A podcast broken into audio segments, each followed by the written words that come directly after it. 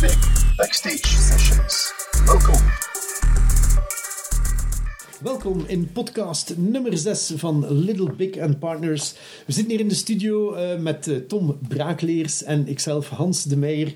Uh, Tom, vertel eens iets aan de luisteraar wat ze nog niet van jou weten. soms krijg ik de vraag van, je hebt zo een, een presentatorstem of een, een moderatiestem, van waar komt die precies? Ik denk dat die afkomstig is, ik heb een radioverleden. Hmm. Dus ik heb nog bij Vrije Radio gewerkt en daar een programma gepresenteerd. Uh, samen met een aantal vrienden daarin terechtgekomen. En zo uh, ja, kijk, dat een paar jaar, voilà, kijk, nog dingen die er zijn nog veel dingen die je niet weet. Maar we moeten ook niet alles weten, hè Hans? Nee, klopt, klopt, klopt. Ja. Maar goed, misschien toch een uh, wederkerende vraag naar jou toe. Wat weten mensen nog niet van uh, Hans de Meijer? wat weten zij nog niet van mij? Althans, nog niet. En dan bedoel ik totdat ze een volgend boek van mij gaan lezen, dat er later in 2019 aankomt. Waarin je onder andere de anekdote kan lezen van ik die als kleine jongen van een jaar of zeven naar een Grand Prix moto-wedstrijd aan het kijken was, toen nog op zwart-wit tv. En het, waarbij het mij opviel dat de moto's op het ogenblik dat ze van een rechtstuk de bocht in gaan, eigenlijk gewoon plat gaan liggen, naar links of naar rechts, en eigenlijk niet aan het stuur draaien of je ziet het toch niet gebeuren. En de volgende dag heb ik dat met mijn fietsje uitgeprobeerd. met, of zonder steunwieltjes? Uh, zonder steunwieltjes, zonder steunwieltjes ja. Uh, en dat heeft ja, interessante gevolgen gehad. Een volledig opengereten wang, kneuzingen aan de schouder, een fietsje dat zwaar gehavend was, een boom met schade in de tuin van de buur waar ik dan uiteindelijk in terecht gekomen ben, ja. na het missen van de bocht. Ja. En ja, weer een stuk wijsheid bij, een, een stuk leren. Ja. ja dat, dat, is de moeite. Ja, dat verklaart misschien ook veel. Uh...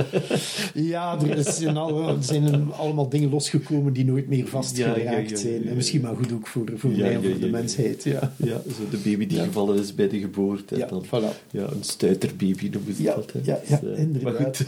Ik zal proberen Of in uh, gevallen en blijven bonken. Gevallen en blijven bootsen. ja. Gevallen en niet meer weer een keer. Uh, maar goed, we gaan het niet in het Gent zo vandaag. Hè. Uh, maar je zei daarnet iets interessants in mijn volgende boek. Ja. Uh, want je hebt, dat boek is nog niet uit, maar er is wel een ander boek uit. Ja, klopt. Proficiat. Dank u, dank u, dank u. Dank Vanaf u, nu is Hans een gepubliceerd auteur.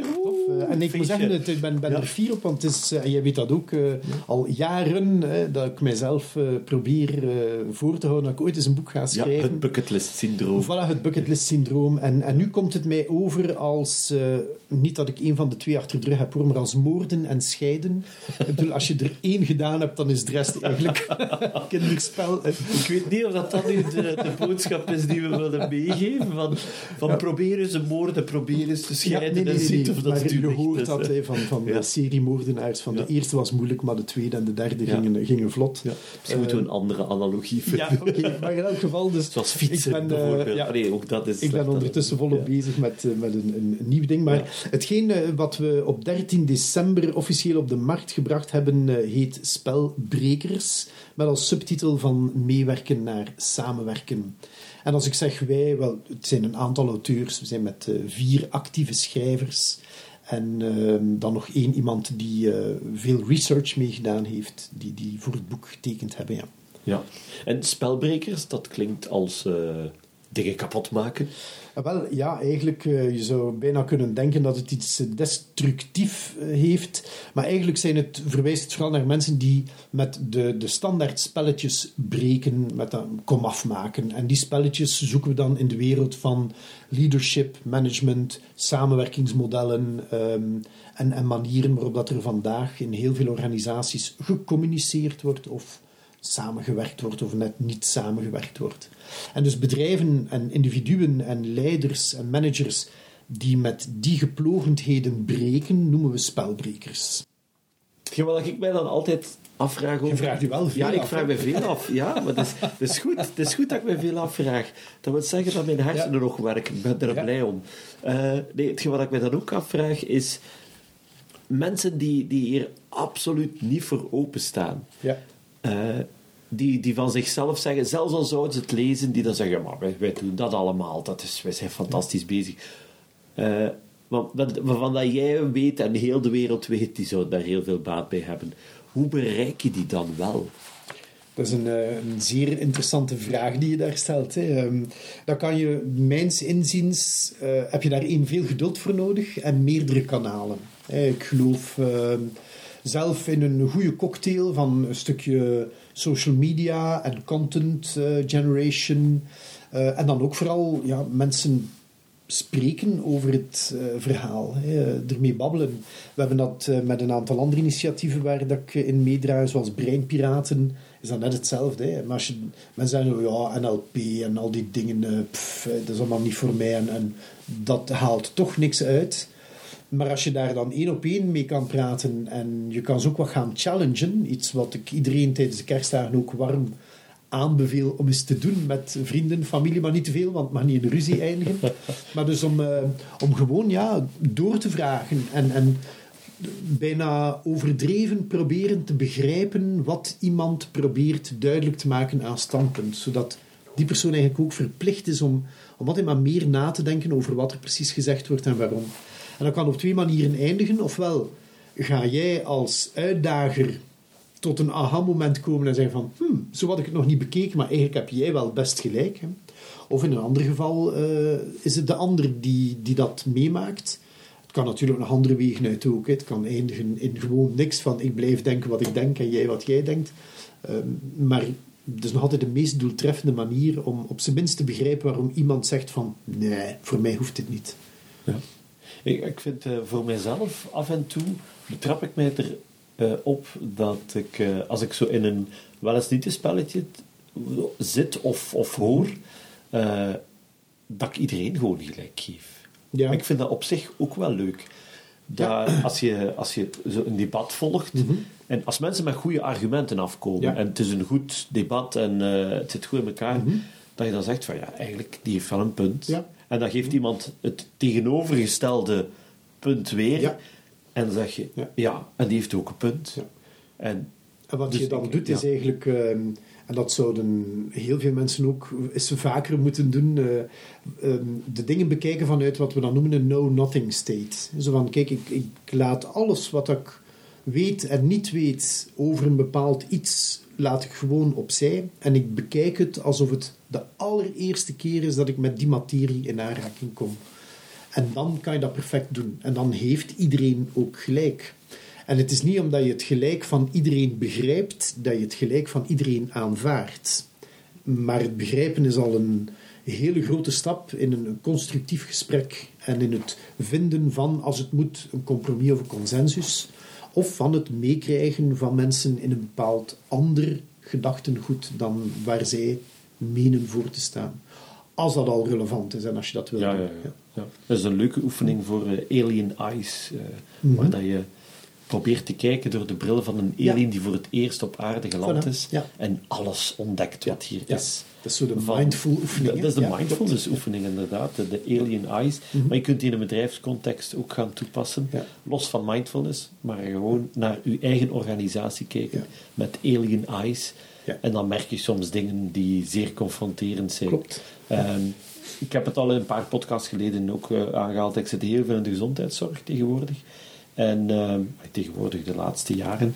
Um, en een van de zaken die daar heel vaak naar boven komt is patient centricity en de patiënt centraal zetten. En, um, en uh, een paar maanden geleden was ik met de directeur van de ziekenhuis aan het praten.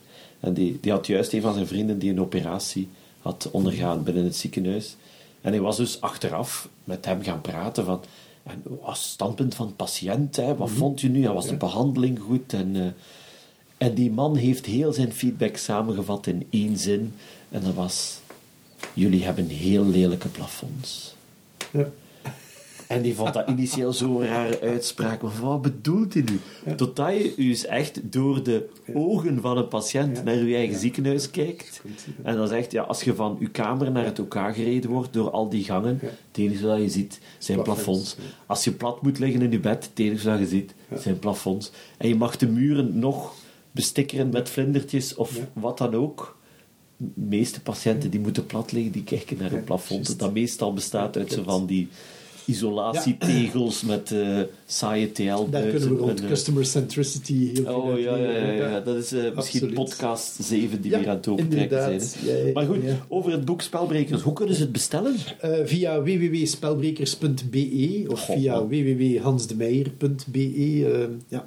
Of ook op bol.com is het te vinden. Ja. En bij onze uitgever Universitas kan je het ook in de online shop vinden. Ja, dus een ideaal eindejaarsgeschenk. Absoluut. Of voor de mensen die En- nog niet weten wat onder de kerstboom te leggen. Tenzij dat je dit Ja. al hoort als het januari is. Ja, Voilà, maar dan eh, is het een paasgeschenk, dan is een of een zomerboek of een, een verjaardagscadeau, Ja, of een verjaardagscadeau. Valentijnsgeschenk. Absoluut, of, eh. Redenen genoeg. Je moet nooit de reden hebben om een cadeautje te Nee, nee, nee. nee. Het is, Dus, het eh, is een leuk, leuk leesvoer, al zeg ik het zelf. eh.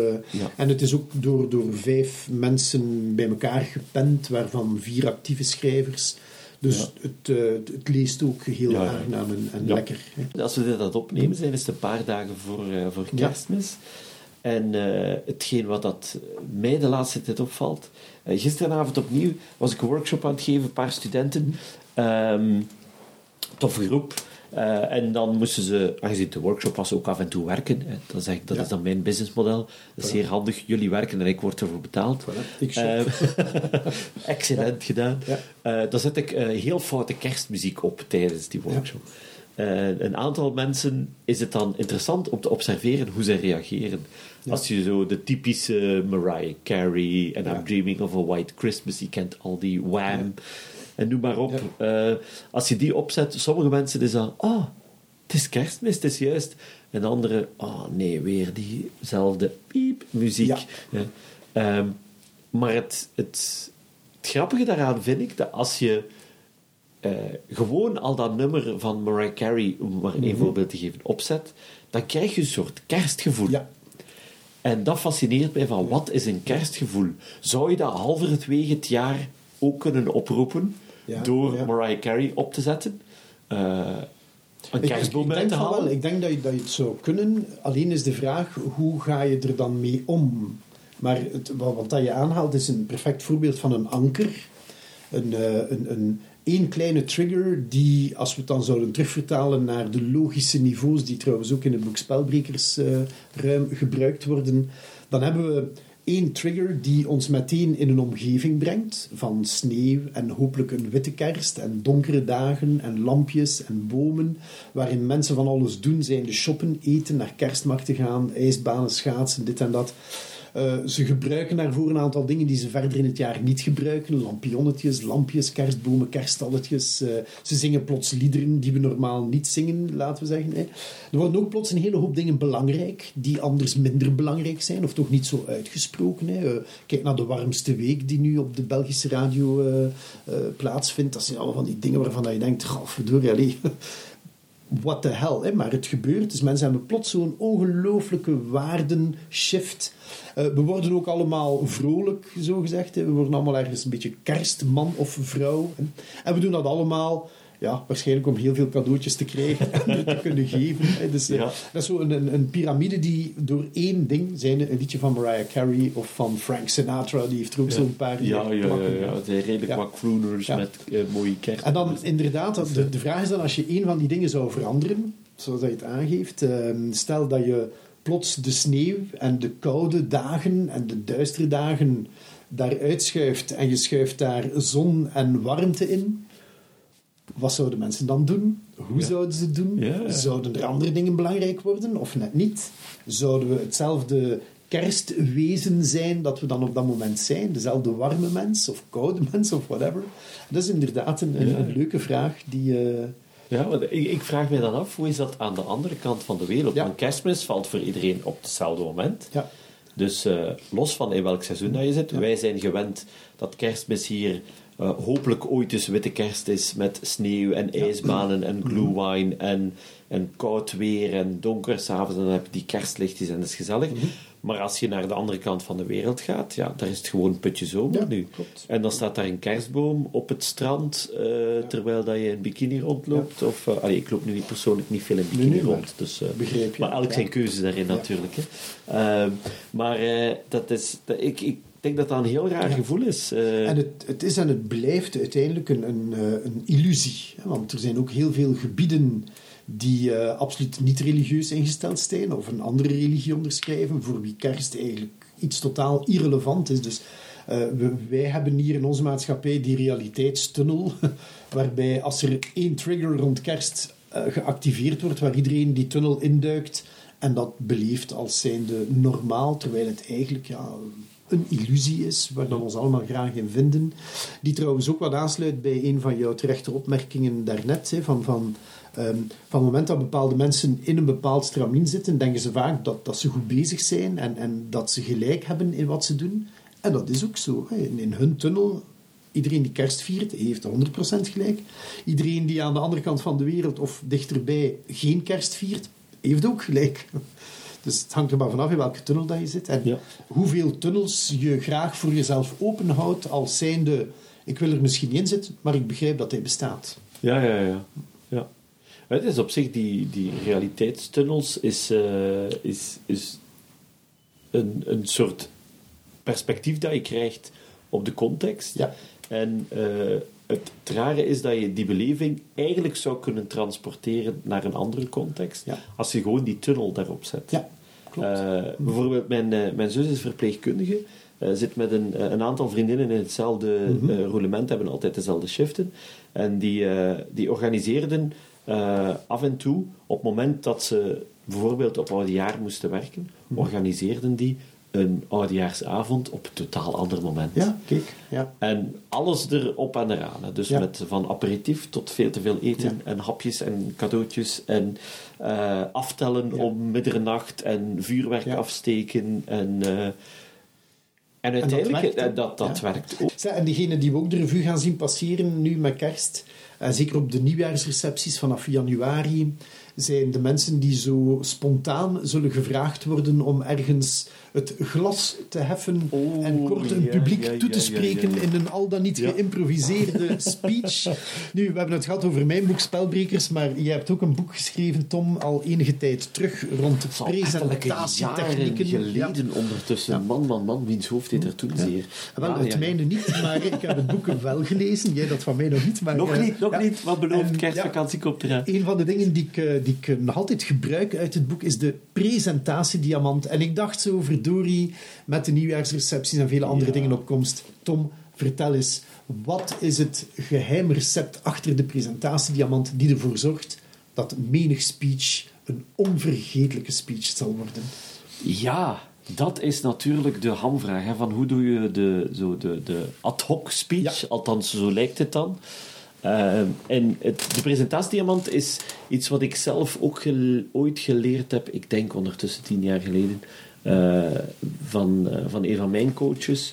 Toen was een Zwitserse dame die presentatietraining was beginnen geven omdat ze podiumangst had. Wat op zich een interessante dynamiek al is van... eh, je zou dan zeggen, ja. Ja. blijf er dan vooral van weg. Maar nee, dat trok haar juist Ja. aan om te weten van waar dat die angst kwam en om erover te geraken. Ja. En die had het ook weer dan van haar trainer geleerd en zo verder enzovoort. Dus niemand die goed weet van waar nu precies die diamant eh, ontstaan is. Maar het is iets wat we allemaal in ons systeem zitten hebben, wat in ons DNA Ja. precies zit. Eens dat je een speech hoort die de diamant volgt, dan zeg je ja, dat klopt. klopt. Als ze daarvan afwijken, dan zeggen ze ik weet niet wat het er was, maar het klopte niet. Ja. Eh, dus hoe, hoe zit de diamant juist in zijn werk? Ik, als ik een- aan diamant denk, denk ik aan zo'n ruit. de, een ruit, ja, ja, ja, ja, ja, een ruit. Dus eh, ja. De, het Engelse diamond, Diamond, van het, oké, vanuit het kaartspel. Oké, ja. Eh, En dus je- gelijk dat we zeggen. Dan heb je eigenlijk twee piramides. Eentje die van de top naar beneden driehoek, gaat en dan eentje die er omgekeerd onder- een driehoek die je normaal met de punt naar boven en dan omgekeerd de driehoek eronder. Ja, een en laten we eens overloops wat, gebeurt van Koekentroef. boven. Ja, koekentroef. Koekentroef. Eh, wat staat er bovenaan? Normaal gezien hoe het meestal mensen beginnen, en vandaar dat de presentatiediamant noemt, omdat het vooral gebruikt wordt in presentaties, is hallo, ik ben. Ik noem dat de Donald Duck-introductie. Dat heeft te maken met een tv-programma ooit lang geleden, Achterwerk in de kast. Kun je dat Ja, ik gezien hebben? ja, VPRO. ja, Ja, ja, ja. ja. Dus heel wat kinderen die begonnen met hallo, ik ben, en dan Donald Duck nadeden. Eh, dus vandaar dat ik dan Donald Duck-introductie noem. Eh, interessanter is om te beginnen met een, eh, iets wat onmiddellijk de aandacht grijpt van, van uw publiek. Mhm. Ehm, bijvoorbeeld, heel veel mensen beginnen een speech men heeft mij gevraagd om iets te zeggen. Ja, als je de twintigste in de rij bent, origineel, jij. Ja. Dus denk er even over na in het Ja. begin van hoe zou je origineel een speech kunnen beginnen. En eens dat je zo eh, iets hebt, of, of een aantal zinnetjes hebt, dan zitten die gewoon in je achterzak. Ja. En dan gelijk welke speech dat ze je vragen om te doen, kun je daar beginnen. Dus dat kan een anekdote zijn, dat kan eh, iets zijn dat je naar verwijst dat in de pers stond. Maar zoiets dat tegelijk zorgt, als ik jou goed begrijp, voor een soort van een pattern break terug. Ja. Zoiets dat de mensen van, Ja. oei, ah, daar moet ik even naar luisteren. Een klein momentje van verwarring. En dan jouw anekdote die zorgt dat, dat er nieuwsgierigheid ontstaat. Ja, voilà. En dat mensen zeggen, zijn waar gaat dit naartoe? Ja, er zijn verschillende manieren hoe dat je, de, ze noemen dat de hoek, de haak waarmee dat je publiek vasthoudt. Ja. Hoe dat je daarmee begint, dat heeft ook met de manier van fascinatie te maken. Misschien nog materiaal voor Ja, ja, podcasts En natuurlijk genoeg. ook voor, voor Little. Big coaching sessions. Ja, ja, ja, daar kunnen we absoluut, Wij doen niks eh, anders in- in dan helpen, sprekers eh, coachen en, mensen naar het volgende niveau van hun presentatie kunnen brengen. Hè. Maar Ja, goed, ik ja. onderbreek jou. Dus Absoluut, de onderbreekt me. Eh, dus de opener is eigenlijk de haak waarmee dat je publiek vastneemt. nu, in een speech ga je meestal niet zeggen van ik ben die persoon, omdat mensen zullen wel weten wie je bent, of Denk je wordt tenminste geïntroduceerd. Maar je zou daar wel iets kunnen zeggen over je rol, en dat is dan de tweede stap. Ja. Van, eh, zie mij nu niet staan als jullie baas, maar ik ben een collega die... Ja. Dus daar gaat het over rol. Eh, en dan is het belangrijk om op voorhand even heel kort na te denken, maar dat kan heel snel gaan, omdat als je de diamant visueel in je hoofd ziet, kun je daar eh, in je hoofd eigenlijk post-it nootjes gaan opplakken. Ja. En het, hoe dat bij mij in mijn systeem werkt, als ze mij vragen om kun je straks eens een paar dingen zeggen, dan ben ik in mijn hoofd post-itjes aan het plakken. Dat duurt 30 seconden, een minuut, Mhm. niet meer. En dan ga ik naar voren en dan lees ik eigenlijk die post-itjes af. En mensen zeggen, goh, dat kwam er zo vlot uit. Ja, tuurlijk, ik heb het gewoon voorgelezen. Mhm. En maar heb je dan voorbereiding? Ik heb geen voorbereiding, maar ik ben wel voorbereid. Dat is een, Mhm. Ja. eh, een klein, doch niet onbelangrijk verschil. Dus het belangrijk is om na te denken van wat zou je op die post-itjes zetten? En je groepeert die in drie groepjes. Drie is belangrijk. Drie is, een heel, drie is een heilig getal. Je hebt drie koningen, eh, de heilige drievuldigheid. Alle goede Ja. Dingen bestaan uit drie, drie Ja. biggetjes. Driemaal is scheepsrecht. Driemaal is geen... Het is allemaal vanuit dat, eh, dat heilige getal drie. Dus je deelt het op in drie stukjes. En dan eh, elk stukje heeft zo zijn eigen thema. Bijvoorbeeld, je zou kunnen zeggen een nieuwjaarspeech... We gaan even kijken naar wat we vorig jaar gedaan hebben. wat belangrijk is voor volgend jaar. En dan stel dat je directeur bent van, van een zaak bijvoorbeeld. Terugblikken, vooruitblikken. En dan vooral iets eruit ligt. Bijvoorbeeld uw mensen die je wil bedanken. Ja. Dat zouden uw drie elementjes zijn. En daarin ga je factueel misschien een aantal zaken zeggen. Dat is puur rationele informatie die je daar geeft. Eh, en eens dat je dat gedaan hebt, rond je het eigenlijk mooi terug af. En zeg je van oké, dus eh, we moeten niet alleen terugblikken, we moeten vooral vooruitblikken. Maar wat voor mij belangrijk is, is dat de mensen zich er goed bij voelen. Ja. En dan, dan dat stukje noemen ze het Sesamstraat-principe. Ja. Eh, want Sesamstraat-stukjes zijn ook zo opgebouwd. Ja. Eerst zeggen wat men gaat leren die dag. Ja. Vandaag gaan we leren over de letter K. En dan komt een liedje met allemaal letters eh, of woorden Ja. Mhm. die beginnen met de letter K. En dat is ook ingedeeld in drie Ja. strofes. Ja. Dat is niet toevallig dat dat in drie strofes is. En daartussen een muzikaal intermezzootje en Cookie Monster die een raar dansje doet en bla bla bla. En op het einde ronden ze weer af. We hebben geleerd over de letter K. Dat noemt het Sesamstraat-principe. In, in presentaties ga je dan eigenlijk de brug maken naar je Q&A. Ja. Maar goed, bij een speech doe je meestal geen Q&A. Dus dat een vreemde speech is, wat op Ja. zich weer een patroonsbreuk Ja. zou zijn. Absoluut. En dan ga je, net zoals dat je begonnen bent met een hoek, ga je eigenlijk eindigen met je outro, is het laatste wat dat je wil zeggen. Wat is eigenlijk de kernboodschap die je wil meegeven? Dus terugkomende op, eh, je bent baas van een eh, organisatie en je wilt terugblikken, vooruitblikken en je mensen bedanken. Dan ga je eigenlijk op het einde die mensen daar als belangrijkste element nog eens uitlichten. eh, en bijvoorbeeld iets meegeven wat je zegt. Dat is de reden waarom dat we beslist hebben dat we iedereen twee dagen extra verlof geven. Of eh, de boetade, mijn deur staat altijd open, maar dat, Ja. laten we dat Ja, vooral ja, niet doen, want dat is zo cliché. Misschien moeten we zo eens op onze site een lijstje publiceren met things to avoid. hè. Ja, ja, ja. ja, ja. ja. Eh, mensen zijn belangrijk, eh, maar cijfers nog belangrijker. Dat horen ze dan denken. Of mijn deur toen ik jou voor het eerst de, de diamant hoorde gebruiken in een, training, jaren terug. en toen zei je ook terecht van, in, in zo'n speech, of dat die nu een dag duurt of een, een tien minuten, mensen onthouden eigenlijk alleen maar de opening Ja. en het einde. En al wat ertussen staat, staat ofwel op een flipchart of wordt achteraf meegegeven in een gedrukt iets. Ik zeg het soms is- heel plat en, eh, en eh, mensen onthouden het begin, het einde en de rest is intellectuele opvulling. Ja, ja. Eh, wil dat zeggen dat je, dat je bla bla kunt verkopen?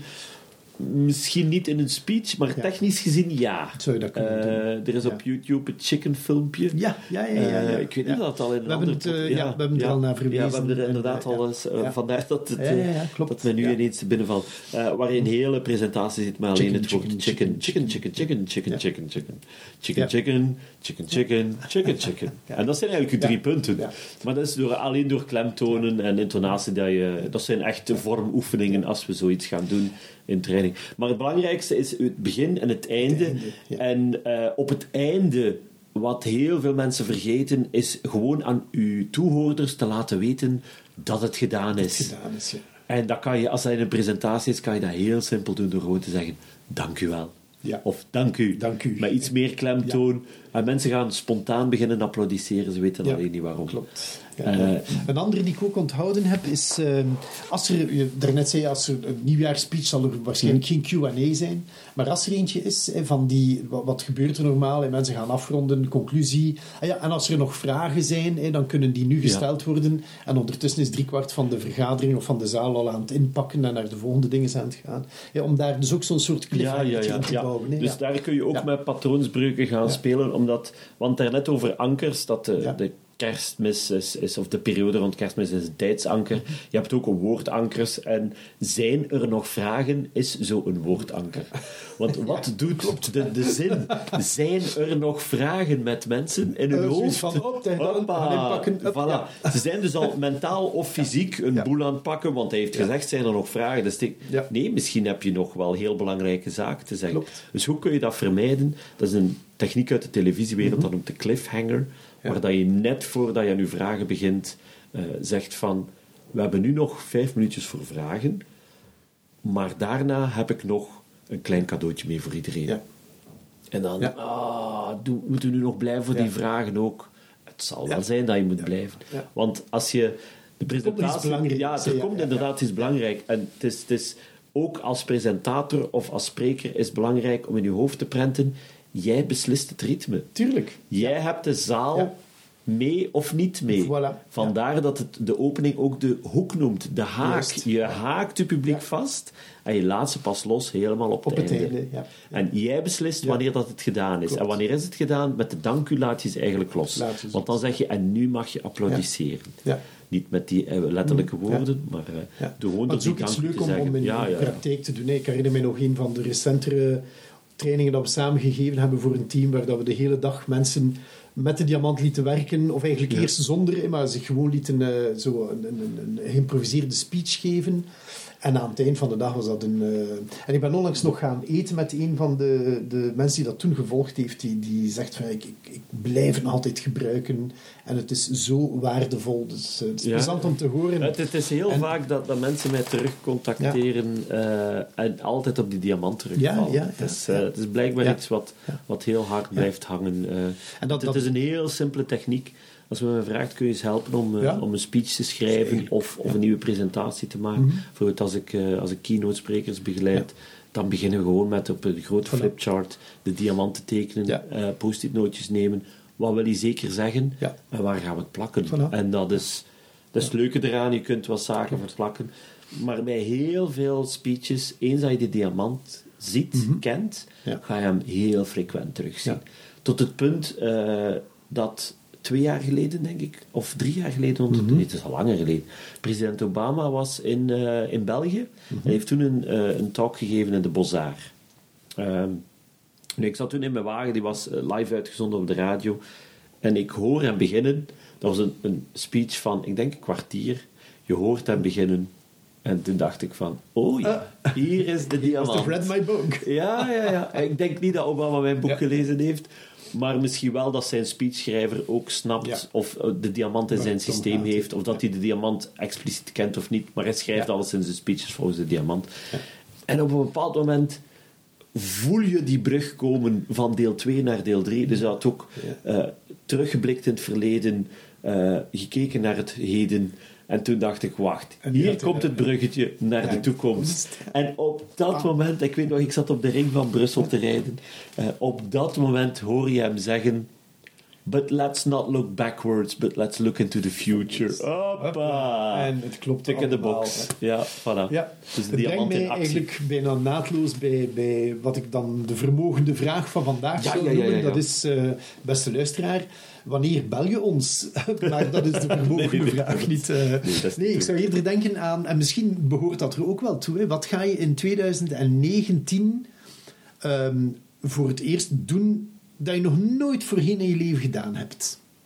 Wacht, Dus wat ga je in 2019 voor de eerste keer doen dat je nog nooit in heel jouw leven gedaan hebt? Het kan zijn ons bellen, ons contacteren. Het kan ook iets anders zijn. Wacht, maar is niet alles wat je voor de eerste keer doet iets wat je per definitie nog nooit gedaan hebt? Het zou kunnen. En dat is zeer goed. Tot de volgende. U luistert nu naar Little Big and Partners Backstage Sessions. Tot een volgende.